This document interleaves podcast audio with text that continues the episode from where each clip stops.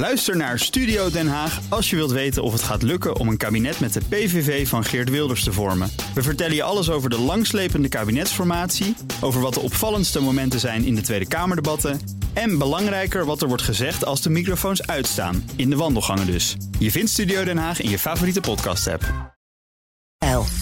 Economenpanel. Meerdere Amerikaanse banken zitten in grote financiële moeilijkheden. Wat zijn de gevolgen? En het, het Centraal Planbureau raamt eh, stijgende koopkracht, maar ook meer mensen in armoede. Dat en meer bespreek ik in het Economenpanel met Lucas Daalder, Chief Investment Strategist bij BlackRock, en Menno Middeldorp, hoofd van Rabo Research. Welkom. Hallo. Hallo. Laten we maar eens beginnen in Amerika, waarna de Silicon Valley Bank ook de Signature Bank omviel. De overheid nam de controle over, garandeert dat mensen weer bij hun geld kunnen, maar daarmee zijn nog niet alle problemen verdwenen. Laat ik maar bij jou beginnen, Lucas. Hoe groot zijn die problemen? Nou, ik denk dat ze relatief gezien niet heel groot zijn. Ik bedoel, voor de mensen die hun geld bij die bank hebben staan, kan me voorstellen dat het een beetje een angstig weekend was. Uiteindelijk eh, is de, eh, ja, het geld gegarandeerd. Dus eh, het was een angstig weekend, maar zonder al te veel grote gevolgen. Voor de economie als geheel stelt het niet zo heel erg veel voor. Het is niet groot. Uh, overigens zie je natuurlijk wel allerlei onzekerheid in financiële markten terugkeren. Dus bijvoorbeeld de Europese beurs, met name de financials, die staan vandaag natuurlijk wel een stuk lager. Maar betekent het ook toch dat heel veel mensen ervan uitgaan dat het niet per se geïsoleerde gevallen zijn? Dat er besmettingsgevaar is? Nou, ik denk dat dat een beetje te maken heeft met de onderliggende. Uh, ja, het, is eigenlijk een samenspel van twee dingen geweest. Eén, het is een vrij geconcentreerde bank geweest met uh, slecht gediversifieerd klantenpersoneel. Dus uh, zeg maar vrij veel exposure naar één sector, de, de start-up sector. En anderzijds dat ze op een gegeven moment geld moesten gaan maken, liquiditeit moesten maken. En dat, ja, we konden ze alleen doen door hun obligaties te verkopen. En dan blijkt opeens dat je ook in obligaties echt wel geld kan verliezen. En ik denk dat dat eigenlijk een beetje het risico is wat iedereen nu opeens realiseert. Ja, de obligatiemarkt die heeft afgelopen jaar een behoorlijke correctie laten zien. Als je puur kijkt naar de verliezen daar, 15, 20 procent, die zijn niet geboekt. Die staan uh, zeg maar als uh, niet geboekt op de, op de balans. Op het moment dat je dan je obligaties verkoopt, moet je ze boeken. Ja, en dat is een risico waar mensen nu een beetje wakker van worden. Als ik nog eens een keer in paniek schiet, dan ga ik naar dokter Daalder. uh, Menno, heeft, heeft, heeft hij gelijk? Nou, ik, ik heb inderdaad wel uh, het idee dat de marktreactie iets te heftig is voor wat er nu qua feiten aanwezig zijn. Ik kan me voorstellen dat sommige mensen zich afvragen: van nou, zijn er nog andere financiële instituten in de VS die ook. Um, ja, dezelfde risico's hebben op zich genomen. Nou ja, die klantenbestand, dat zal, dat zal de dat, dat zal niet het element zijn dat wijder verspreid is. Maar het is natuurlijk wel zo dat er flinke renteverhogingen zijn gekomen. En dus als er meerdere partijen zijn die en, en inderdaad die obligaties uh, hebben met het idee van, oh, die kan ik verkopen op het moment dat ik liquiditeit nodig heb, op het moment dat ik geld nodig heb, ja, dan, dan, zouden, de, dan zouden er andere kunnen zijn. Is de vraag. Maar dan komt de Fed met een eigenlijk heel gericht beleid daarop en zegt van, nou, we komen met een nieuw programma. Um, als jij, uh, of eigenlijk passen we het bestaand programma aan. We zeggen van als jij uh, geld nodig hebt, je hoeft die obligaties niet per se te verkopen. Je kan ook bij ons indienen als onderpand. En dan waarderen we ze niet op de marktwaarde, maar op um, de, zeg maar de, de, de aflossingswaarde. En ja, dan hoef je geen zorgen te maken over die verliezen. Kan je toch liquiditeit krijgen. En daarmee kan je hopelijk je, um, um, je depositohouders geruststellen. Dus zo houdt de vet een beetje schot in de zaak. Nou, ik vind het op zich wel een, een logische gedachte. Heel gericht op het probleem die we nu hebben. En ja, de vraag is, hoe breed is het? Maar je, je zou, ja, wat we nu zien... en, en gezien de, de, de, de, de bijzonderheden... niet alleen is dit een bijzondere klantengroep... maar die bank heeft echt, wel bijzondere dingen gedaan... waar je afgevraagd hoe dat kon. Je komt ook nog ergens crypto tegen, overigens, hè, voor de volledigheid. Nou ja, dat, dat, dat gooi het er maar bij. Uh, ja, dus de vraag is van, is dit een heel breed probleem? En natuurlijk altijd heb je in de financiële markt... als mensen niet weten of het een breed probleem is... of dat niet zeker weten, dat ze dan allemaal een beetje gaan gissen en afvragen. En dat creëert onzekerheid. Uh, maar ja, ik zou, ik zou het niet verwachten op basis van um, dit, dit bijzonder geval. Wat vind jij van de reactie tot nu toe van uh, overheden, de Fed, toezichthouders? Uh, en er is dat instrument is een beetje aangepast, waarvan Menno zegt dat is wel proportioneel. Ja. Hoe kijk jij ernaar? Nou ja, ik denk dat wat er nu gedaan is ook inderdaad uh, de, de, juiste stappen zijn. Ik bedoel, de je kan natuurlijk verder gaan, althans dat is een beetje waar de markt misschien ook op uh, anticipeert, hoopt, misschien tot op zekere hoogte. We hebben bij voorgaande crisissen hebben we natuurlijk gehad dat de Federal Reserve vervolgens ook echt al met renteverlagingen zou komen. Daar is het probleem volgens mij echt te klein voor. Dus, dus uh, wat je nu een beetje terugziet in die markt, dat eh, het, ook het monetaire beleid gaat raken. Ik denk niet dat dat gaat gebeuren. Maar goed, dat zou een vervolgstap kunnen zijn als het escaleert. Nogmaals, ik verwacht niet dat het escaleert. Ik, ik zou zeggen ook dat het meer een, een Amerikaans probleem is dan een Europees probleem. Eh, ik denk niet dat we hier in Europa eh, ja, zeg maar de toezichthouders dusdanig lang afwachtend zouden staan, blijven kijken met een bank die toch wel in problemen zou komen dan wat we nu in Amerika hebben gezien. Dus ook hier in, aan deze kant van de, van de, de oceaan zou ik zeggen, valt het wel mee met risico. En, en nog even voor de goede orde. De mensen die nu hun geld dreigen te kwijt te raken, die zijn gered. Hè? Die moeten bij hun geld kunnen. Die hebben daar een garantie over gekregen. Maar van wie komt dat geld dan? Volgens mij is er niet echt een garantie. Dus hebben ze gewoon, nou, je hebt natuurlijk de eerste 250.000, dat is uh, gegarandeerd. Maar er waren heel veel mensen die daar ver Ja, boven zaten bij die bank. Zeker in dit geval, want het waren allemaal start-ups. Dus die hadden daar veel meer geld staan. Maar wat ze gezegd hebben, is ze hebben gewoon een nieuwe bank opgezet. Ze hebben alle depositohouders en alle activa daarin gezet. En dan constateren ze van nou. ehm, deze, met hiermee kunnen we, het, kunnen we de depositohouders. Dit, de- deze balans klopt voor deze, deze brugbank. Ehm, en dan is er natuurlijk een groep die hun geld. ehm, misschien niet terugkrijgt. En dat zijn dan de obligatiehouders en andere mensen die geld hebben geleend, die niet de depositohouders waren. Dus op die manier kunnen ze zeggen dat ze redelijk vertrouwen in hebben dat, ehm, dat, dat ze hun geld terugkrijgen. Eh, nou begrijp ik dat jullie hier allebei wel zeggen... nou, de soep moeten we wat minder heet eh, eten dan die wordt opgediend. Eh, Joe Biden komt wel in actie.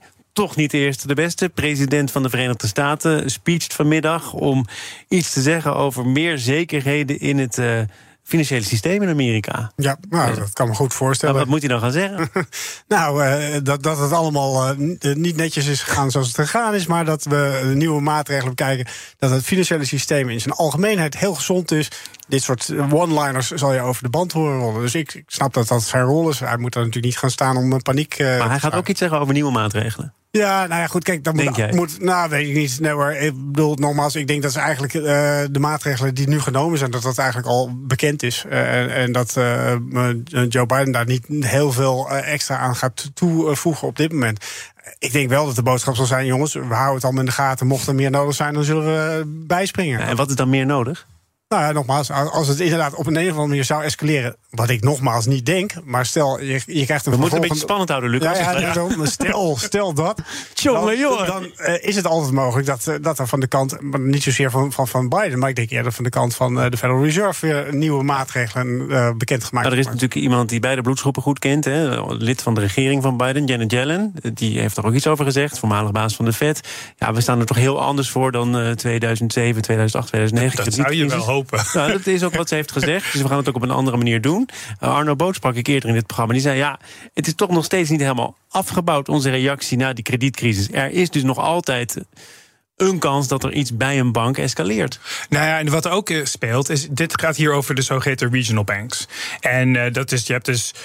Daar is een paar jaar geleden juist de, wetgeving aangepast om ze meer ruimte te geven. En minder, zodat ze minder last zouden hebben van toezicht. En meer ruimte om eh, de groei eh, eh, van de economie te, te, te ondersteunen.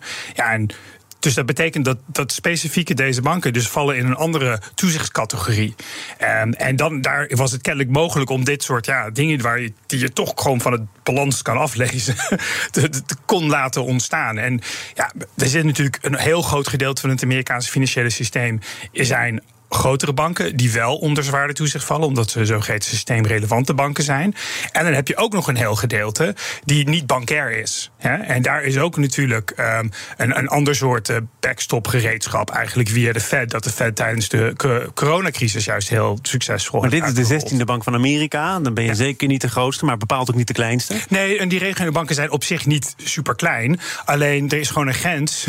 en daar, de- daar gelden andere regels qua toezicht. En, ehm, maar. eh, Als je kijkt naar de activa, de totale omvang van de bankbalansen, ja, dan zit de concentratie wel ook wel weer bij de grotere banken, die wel onder dat zwaarder toezicht vallen. Ik denk dat de verschillen met 2007, 2008 veel groter zijn dan de overeenkomsten. Dat zou mijn eh, antwoord zijn op Dat is de, ko- dat is de korte en, en heldere Dan versie. ik, ik toch nog even die vraag aan jou. Wat is er dan zo verbeterd, veranderd? Nou, verbeterd is sowieso dat er natuurlijk veel meer uh, kapitaalrestricties zijn. Dus je hebt veel meer balans die steviger is dan de, de situatie 2007, 2008. 2007, als mensen allemaal hun geld op het nou, niet allemaal, maar het is in elk geval een stuk beter dan in 2007, 2008. 2007, 2008 was het ook totaal onduidelijk wie welk risico had. Hè. Dus dat was ook niet inzichtelijk, waardoor eigenlijk elke bank op dat moment ja, een gevaar was. maar goed, het grote verschil met de huidige situatie is dat ja, de liquide middelen, of je liquide middelen kan maken, is, is de kapitaalmarkt. Dus de obligatiemarkt. Die obligatieportefeuille is wel een nieuw element. Uh, want daar, als je dus inderdaad nu moet verkopen, ja, dan moet je verliezen realiseren. En dat was weer helemaal niet het geval in 2007, 2008. Ja, dus. Nog even naar uh, Powell, want morgen komen er inflatiecijfers. Ehm, de laatste bevindingen waren toch niet bepaald positief. Het was toch sticky allemaal en het ging niet echt meer naar beneden. Nu zie je toch dat banken in de problemen komen. Uh, en dan is de vraag, het kwam hier al even voorbij... gaat deze situatie nu ook effect hebben voor het monetaire beleid van de Fed?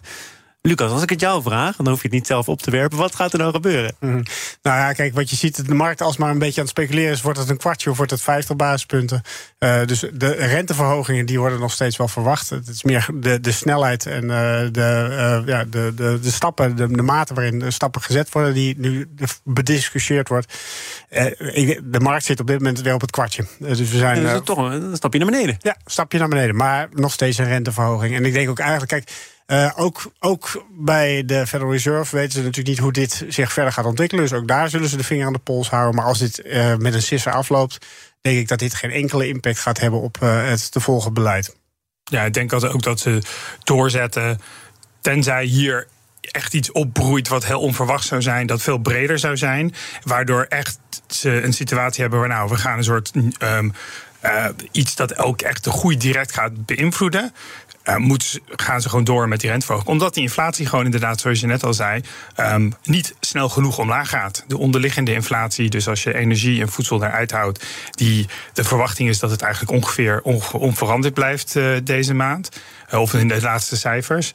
Ja, dat is niet wat ze willen. Ze willen aantoonbaar dat het richting de target gaat, dat het richting de doelstelling gaat. En ja, daar zijn ze nog niet aan toe. Dus moeten ze, moeten ze laten zien dat ze daar nog steeds uh, mee bezig zijn. En wat er tot nu toe is gebeurd in de, in, in de markten en in het bankensysteem, dat, dat, is, dat is niet sterk genoeg dat, dat moeten ze met gerichte um, uh, liquiditeitssteun voor de banken, niet voor het hele systeem, moeten ze dat, uh, moeten ze dat aanpakken. Uh, en dat is niet iets voor een algehele monetair beleidswending, omdat daar gewoon de inflatie te hoog voor is. Welke signalen kwamen er uit het laatste banenrapport van afgelopen vrijdag? Hè? Paul heeft volgens mij eerder die week, vorige week dus, gezegd bij de Senaat. Ja, ook daar moet iets gebeuren. Het is vreemd om te zeggen, maar de werkloosheid mag wel wat oplopen. Uh, ik, ik, hoop eigenlijk dat er meer mensen hun baan verliezen, kort vertaald. Wat, wat bleek er afgelopen vrijdag van terecht te komen? Nou ja, kijk, de, de werkloosheidscijfers die uh, liepen weer een klein beetje. De werkloosheid liep een klein beetje op, maar de aantal banen was natuurlijk toch weer sterker dan verwacht. Ja. Uh, en dat is niet de mix die je zou willen zien. Lonen die vielen dan wel weer mee, hè, dus dat is dan wel weer een beetje het pluspunt. Dus een beetje ja, uh, een so-so rapport. het was in elk geval niet te sterk om gegarandeerd te zeggen dat er nu 50 basispunten bij komt. Maar het houdt de spanning er natuurlijk wel in. Ja, het had een beetje ieders wat wils. afhankelijk van welke kant je uit wilt redeneren, kon je wel iets met dat rapport. Maar ik denk voor de Fed, het moet, het moet gewoon aantoonbaar de juiste richting opgaan voor hun om, om, om, die, om die doelstelling te bereiken. En dat, dat is gewoon niet het geval. En dat, dat, dat een, een beetje iets, iets gemengde banenrapport, dat gaat dat beeld niet veranderen. We gaan eh, met het economenpanel Lucas Daalder, Menno Middeldorp naar eh, rapporten van eigen bodem. De koopkracht zal dit jaar gelijk blijven en daarna met 2% stijgen. Tegelijkertijd blijft de structurele ongelijkheid in Nederland groot en zal het aantal mensen onder de armoede grens stijgen tot net onder de 1 miljoen. Blijkt uit de ramingen van het Centraal Planbureau. Laten we daar maar eerst even naar gaan kijken. Stijgende koopkracht. Geen noodzaak om op korte termijn te bezuinigen. Uh, Menno, jullie hebben met de Rabobank natuurlijk ook uh, gekeken naar hoe de economische toekomst eruit gaat zien. Zitten er nog. Uh, opmerkelijke verschillen tussen wat jullie verwachten en wat het Centraal Planbureau raamt? Ja, we, zijn, we zitten iets hoger qua groei. Uh, in ieder geval voor uh, dit jaar. Dat, dat, dat, dat komt dan weer terug volgend jaar. Want uh, dan denken we dat eigenlijk de groeivertraging juist wat later komt. En dat komt omdat we ook hier in Europa te maken hebben met renteverhogingen. En die, die sijpelen dan door in de economie. En dat zie je dan eigenlijk in de loop van dit jaar meer effect hebben. In Nederland werkt dat in grote mate ook via de huizenmarkt. En dan aan de andere kant denken we dat de inflatie wat, wat hoger is dan wat, wat het CPB denkt. En 3% dat. Meen ik, hè? Ja, dus dat. Nou, we hebben dus. Uh, voor de CPB bedoel je? Ja, ja. ja. ja, wij... Ik snap dat je je eigen cijfers beter kent, hoor. dus uh, nou, dus we, we, zitten op 5 en 4,4 als ik het goed herinner. Dus uh, um, voor, dit, voor de, dit en volgend jaar. En is dus wat hoger dan wat, wat CPB raden. Dus we zien gewoon dat. Ja, wat we ook in Amerika en Europa en andere landen zien. Het is wel gewoon wat lastiger om die inflatie omlaag te krijgen. We zijn al wat langer van mening dat het een langer proces zal zijn. En ja, hoe, hoe moeilijker dat proces, hoe meer de centrale banken ook um, waakzaam moeten blijven, moeten door maar gaan met renteverhogingen. En dus hoe meer dat uiteindelijk ook weer doorweegt op de, op de economie. En wat we eigenlijk qua. We hadden natuurlijk velen, wij ook, hadden een recessie verwacht uh, rond deze tijd. Maar dat kwam vooral door de energieprijs. Um, die ja, die is flink gezakt. En vervolgens is er heel veel overheidssteun gekomen. Maar minder dan gedacht, hè? Want uh, de plafond kost ook minder dan oorspronkelijk. omdat de prijs lager was, ja. uiteindelijk. Maar uiteindelijk heeft dat, dat, dat hele pakket heeft ervoor gezorgd dat, dat uh, we de recessie uh, uh, dat, dat we die hebben voorkomen. maar de werkloosheid blijft super laag in heel, relatieve zin, ook in heel Europa. Ja, dat betekent dus dat de uitdaging voor de ECB alleen maar groter is geworden. En dus Um, betekent dus dat de, de, de pijn als het ware niet meer komt van de energiekant, maar juist van de, van de renteverhogingen. En die werken dan met de vertraging door. Dat zien we dus dit, waarschijnlijk aan het eind van dit jaar wat, uh, wat meer grip krijgen op de Lucas, ik heb me laten influisteren dat jij uh, de ramingen van het uh, Centraal Planbureau bepaald niet volledig vindt. Sterker nog een beetje onrealistisch vindt. Klopt dat? Nou, onrealistisch. Kijk, je, moet, je moet iets zeggen over de toekomst. Dat is altijd spannend. ik vind als je naar deze cijfers kijkt van het CPB, dus, in dit, dus ik heb het niet over de Rabobank natuurlijk. Nee. Uh, dan, dan, dan, dan, zou ik zeggen dat hier duidelijk gekozen is voor de, de, ja, niet, niet de middenuitkomst, uh, maar meer een zeer positieve uitkomst. Ik, ik zou het erg moeilijk vinden om nu een scenario te schetsen wat nog positiever is dan dit scenario gegeven uh, waar we staan. Maar ze zeggen er toch bij, uh, als we een strenge winter krijgen, nee, dan blijft er van die groei helemaal niks nee, over. Maar dat is negatief. Maar probeer nou eens, als, je, als dit de, de uitgangspunt is wat je nu hebt, probeer eens een scenario te denken waarbij het nog positiever. En dat, dat is bijna onmogelijk. Ja. Dus kortom, mijn gevoel is dat ze echt duidelijk gekozen hebben voor het positieve scenario als het basisscenario. En uh, je kan eindeloos veel negatieve scenario's. Ik zou veel meer verwacht hebben van kies nou zo'n scenario wat in het midden zit.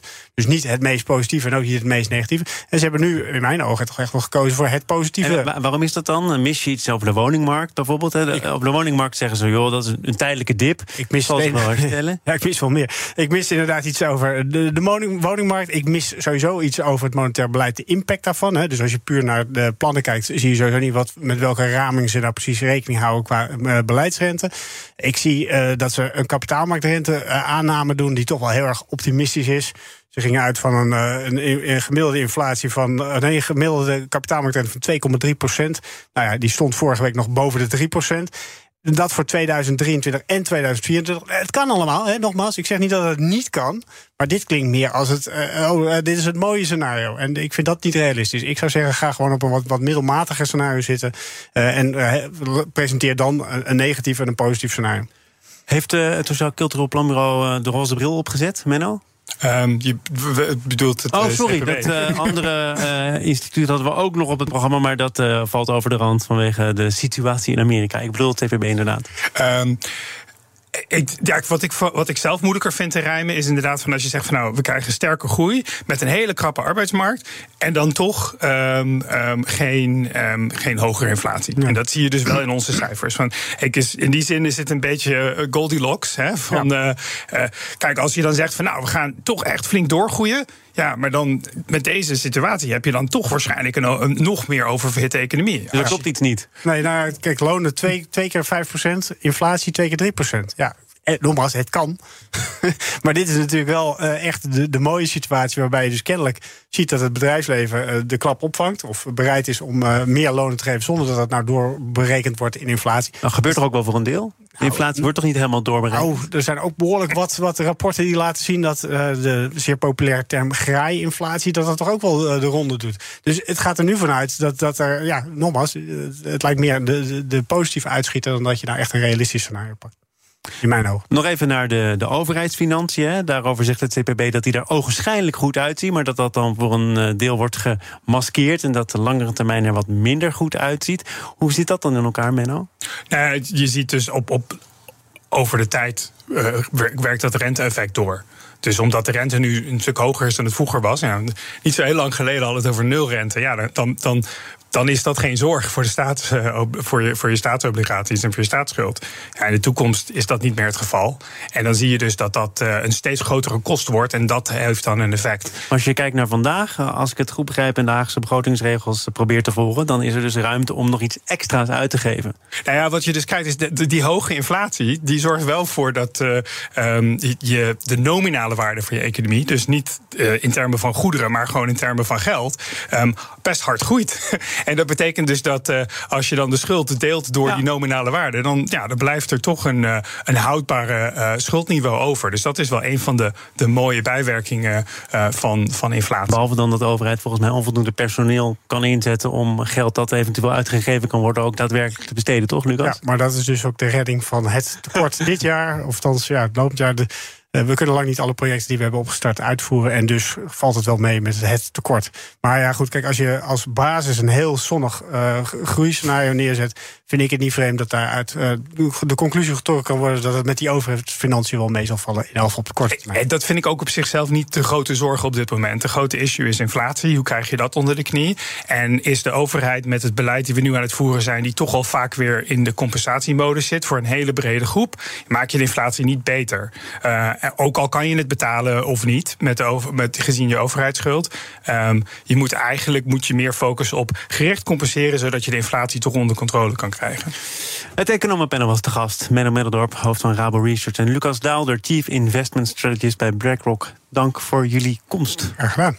Dit panel is trouwens ook te beluisteren als podcast. Dus abonneer je vooral even via je favoriete kanaal of de BNR-app. Zometeen praat ik verder over de vraag wie zijn geld dan terugkrijgt van de gevallen Silicon Valley Bank met Corné van Zel.